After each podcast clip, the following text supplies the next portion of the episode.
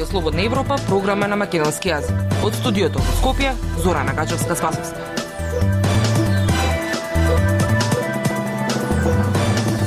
Почитувани, ја следите емисијата на Радио Слободна Европа. Во неа објавуваме Руската инвазија врз Украина пред меѓународниот кривичен суд во Хаг. Болниците во внатрешноста пропаѓаат, скопските се преполни со пациенти.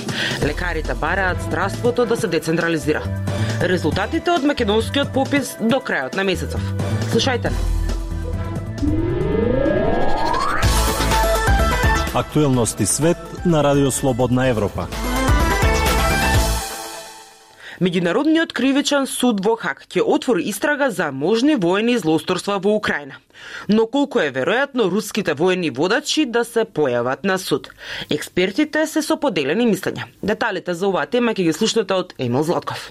Обвинителството на Меѓународниот кривичен суд во Хак најави отворање на истрага за можни воени злосторства во Украина. Обвинителот Карим Кан рече дека истрагата има намера да ги опфати сите нови наводи за воени злосторства кои спаѓаат во юрисдикција на неговата канцеларија, без оглед на тоа која страна ги извршила и на кој било дел од територијата на Украина. Советот за човекови права на Обединетите нации на 3 март ќе одржи на расправа за отворење истрага, побарана од Киев и западните земи. Во меѓувреме, Русија продолжи со жестоки ракетни напади врз Украина, откако на 24 февруари почна инвазија. Високиот соработник во Европскиот совет за надворешни односи и експерт за меѓународно право и воени злосторства, Ентони Дворкин, во интервју за Радио Слободна Европа прашува колку е веројатно дека некои случаи ќе бидат покренати или некои руски воени водачи ќе се појават на суд.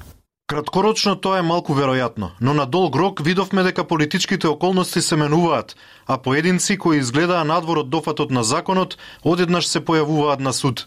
Вели Дворкин и како пример ги наведува судењата за злосторства извршени во војните во 90-тите во поранешна Југославија, кои се водеа пред Хашкиот трибунал. Балканското искуство во Хаг вели дека вкупно 130.000 луѓе загинале во војните од 1991 до 2001 година. За време на својот мандат од 1993 до 2017 овој меѓународен кривичен трибунал за поранешна Југославија обвини повеќе од 160 лица од сите страни во војната, од кои 90 беа осудени. Кристијан Нилсен, професор по историја на Универзитетот Архус во Данска, бил форензичар во неколку тужби, меѓу кои и она против Радован Караджиќ. Штом започна војната во Украина, сите размислувавме дали ќе биде можно, во кој контекст, каде и од чија страна да се гонат воените злосторства и злосторствата против човештвото. Изјави Нилсен за Слободна Европа. Од друга страна, Русија не е членка на Меѓународниот кривичен суд во Хак, кој има јурисдикција над судењата за злосторства извршени на територијата или од државјани на земји кои пристапиле до судот. Јурисдикцијата е прифатена од Украина, што значи дека судот може да ги гони руските војници и нивните офицери, кои вршат воени злосторства на територијата на Украина. Проблемот се разбира е што Русија, која не е земја членка, никогаш нема да соработува со тој суд. Вели за Радио Слободна Европа Марко Милановиќ, професор по меѓународно право на Универзитетот во Нотингем. Скептичен е и професорот Кристијан Нилсен. Прашање е ако сме реални како обвинителот на меѓународниот кривичен суд и неговата канцеларија ќе истражуваат. Тие ќе бидат целосно зависни од информациите што ги добиваат од украинците, можеби некои членки на ЕУ и НАТО. Вели Нилсен. Советот за човекови права на Обединетите нации на 3 март ќе донесе одлука за формирање комисија за истрага на можни злосторства. Доколку се формира, комисијата од тројца независни експерти ќе ги истражи сите наводни прекршувања на меѓународното право на анектираниот полуостров Крим и во источните региони Донецк и Луганск, но и во други области на Украина од руската инвазија. Слободна Европа. Следете на на Facebook, Twitter и YouTube. Повеќе од половина од вкупните здравствени услуги во земјава пациентите може да ги добијат само во Скопје. Граѓаните од натрешноста се приморани да патуваат до главниот град за терапија или третман. Особено е критично со пациентите болни од рак. Дел од лекарите бараат да се направи целосна децентрализација на здравствениот систем за да се олесни пристапот до лекување. Со месеци матичниот лекар ни велеше дека не ни требаат прегледи ниту снимање, а сопругот мој имал рак на белите дробови. Вака ја започнува својата приказна Сонја Петровска од Кочани. Таа се жалеше дека со таквото однесување на матичниот лекар здравствената состојба се услужнала и поради тоа изгубила месеци во битката со ракот. Насоките за тоа што треба да направат и во кои здравствени институции да се го бараат чарето дознале социјалните мрежи и групи за подршка на болниот канцер. Термини за ехо снимки можеле да најдат и во други градови, но не и во близина на нивното живеалиште. Има само во Штип има, ама пред тоа ни даваше ни даваа вакво снимки во Гостивар или во Охрид. Најбрзо што може. А никој не не праша како можеме да стигнеме, дали имаме е, средства, средствата се кратки, лекарствата се хаотични. Директорот на Скопската онкологија Нино Васев вели дека Скопската клиника стана главен центар за лекување на пациенти болни од рак кои можат основната терапија да ја примаат и во Битола и Штип.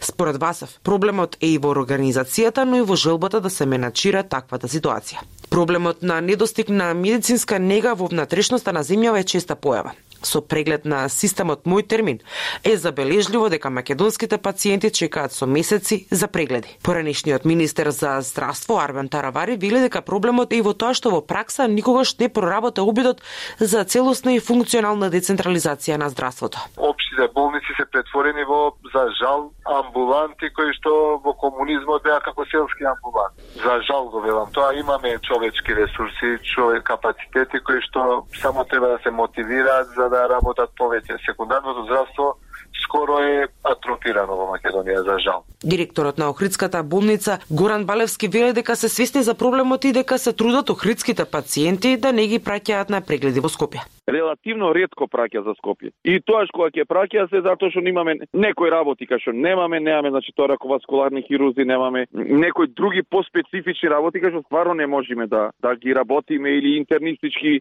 некои процедури кои не се работат. Тоа значи треба некоја здравствена мапа и државата еднаш да направи нешто стварно што ќе биде добро пред се за пациентите. И, и луѓето да шетаат и тоа не е во ред. Не е во ред за една обична диагностичка процедура да одите до Скопје. Балевски вели дека решението го гледа во регионализација на здравството, за да не се праќаат сите пациенти во Скопје. Според него Министерството за здравство треба да се направи регионални центри според стручноста и квалитетот на болниците и да ги укрупни во една. Таравари објаснува дека дел од решението на проблемот е да се принудат општите клиничките болници надвор од Скопје да го спроведат она што им е во статутот на болницата и она што им е работна задача.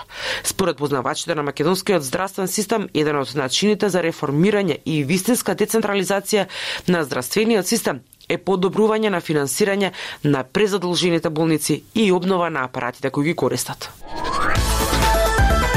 Радио Слободна Европа, светот на Македонија. Македонија уште се пребројува. Конечните резултати од пописот ќе бидат објавени до крајот на месецов, кога истекува и законскиот рок. Иако предходно беше најавено дека ќе бидат објавени во јануари. Директорот на Заводот за статистика веле дека директно ќе се објават конечните резултати за да се избегнат евентуални политички спекулации со прелиминарните резултати. Повеќе за оваа тема ќе слушнете од Срѓан Стојанчев. Државниот завод за статистика ќе ги објави конечните резултати од пописот до крајот на овој месец кога истекува законскиот рок. Предходно беше најавено дека резултатите може да бидат објавени до крајот на 2021 или во јануари годинава, но на државната статистика и треба повеќе време за обработка на податоците. Пописот на населението и доматинствата се спроведе од 5 до 30 септември, а веднаш потоа почна обработката на податоците. Македонија нема спроведено попис две децении, но искуствата од земјите од регионот покажуваат дека тие ги објавуваат првичните резултати за 2-3 месеци по завршувањето на пребројувањето, а потоа се чека за конечните резултати. Сепак, пописот во Македонија е тема со силен политички набој, зашто според Уставот од резултатите зависи и остварувањето на колективните права на заедниците, пред се употребата на јазикот и правичната вработеност во администрацијата. Директорот на Државниот завод за статистика Апостол Симовски вели дека во секоја земја првичните и конечните резултати од пописот се разликуваат и за да се спречат шпекулации, резултатите ќе бидат објавени кога конечно ќе се обработат. А првичните и конечните никош не си кај нас пописот се политизира и да еден човек разлика одно од каде е, што е, зошто е, така на Лака, ќе изгледаме со конечни, тоа е податокот и ќе го објасниме нормално. И нема да даеме поводи за било какви не коментари, него не знам, своји математики и така натака што некој би ги правил. Кој ќе даде, прв првичен резултат, тој никогаш не е точен. Ќе вие во работата да имате некој што е доволно побишан, па да го некој што не требало да биде побишан, не е побишан, некој што не е побишан, на требало, а сега имаме таа можност да го импутираме. И на крај ќе изгледате со различен резултат. И ако тоа се случи, кај нас таква е климата да ќе се направи свеско чудо. Е, сега, во Хрватска, во Бугарија не е проблем тоа и ти излегува со први резултат. Заменик директорот на Државниот завод за статистика Илми Селами на 3 јануари изјави дека причината поради која резултатите доцнат е тоа што институциите доцнеле со поднесувањето на ажурираните информации што ги бара државната статистика. Според податоците што досега ги објави заводот, во септември биле попишани 1 милион 832 илјади жители, 568 илјади семејства и 837 илјади станови. Оние кои од која било причина останале нерегистрирани ќе се најдат во некоја од базите на податоци при обработката на податоците и ќе бидат дел од пописот. Прв во Македонија поречи се 20 години. Според последниот попис од 2002 Македонија имаше над 2 милиона жители. Култура и уметност. На Радио Слободна Европа. Неочекуван диалог Рембрандт и Јанкуловски е насловен проектот што 24 февруари 2022 година и се до 24 февруари на редната 2023 година ќе се одвива во галеријата Остан. Се работи за надградба на веќе воспоставена соработка меѓу Остан Арт Скопје и Светската асоциација на визуелни уметности. Прилог на Љупчо Јеловски.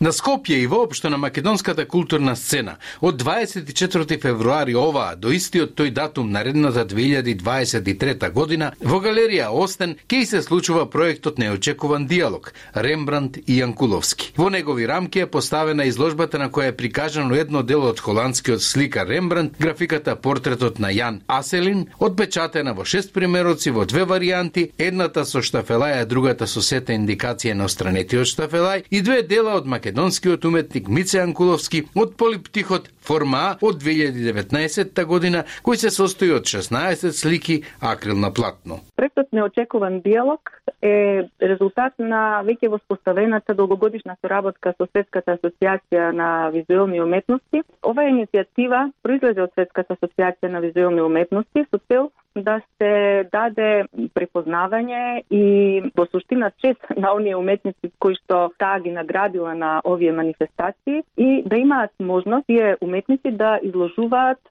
со познати автори од историјата на уметност кои што оставиле сериозен белес. Вели Корнелија Коневска, извршна директорка на Остен Арт. И по основната информација за проектот кој полека зашивува и го изнидува вниманието на ликовната публика, се навраќаме најнапред на историјата и фактите за творештвото на овие уметници. Рембранд Херменсон ван Рейн е веројатно највлијателниот холандски сликар и еден од најголемите сликари во европската историја на уметноста. Тој бил умешен цртач и графичар. Неговите придонеси во уметноста се случиле во 17-тиот век, кога кралството го достигнало зенитот на својата моќ, нивното политичко влијание, наука, трговија и култура. Покрај сликарската бравурозност, својот уметнички гений Рембранд го изразувал и преку графиката во техниките бакропис и сува игла. На оваа мала уметност тој дал вистинско уметничко достоинство. Неговите графики се доказ дека за големите дела не се потребни големи теми, а за големите уметнички содржини не е необходен голем формат. Од друга страна, Мицко Мице Анкуловски, е македонски творец кој својот креативен потенцијал го изразил во повеќе медиуми, почнувајќи од сликарството, цртежот, карикатурата, палиндромијата, анимацијата,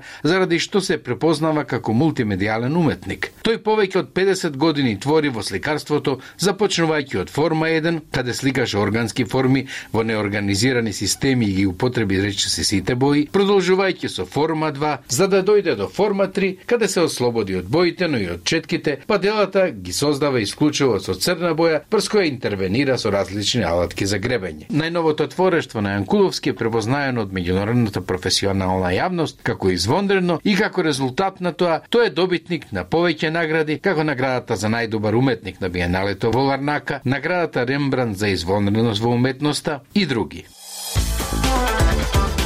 Тоа беше се што ви подготвивме за оваа емисија.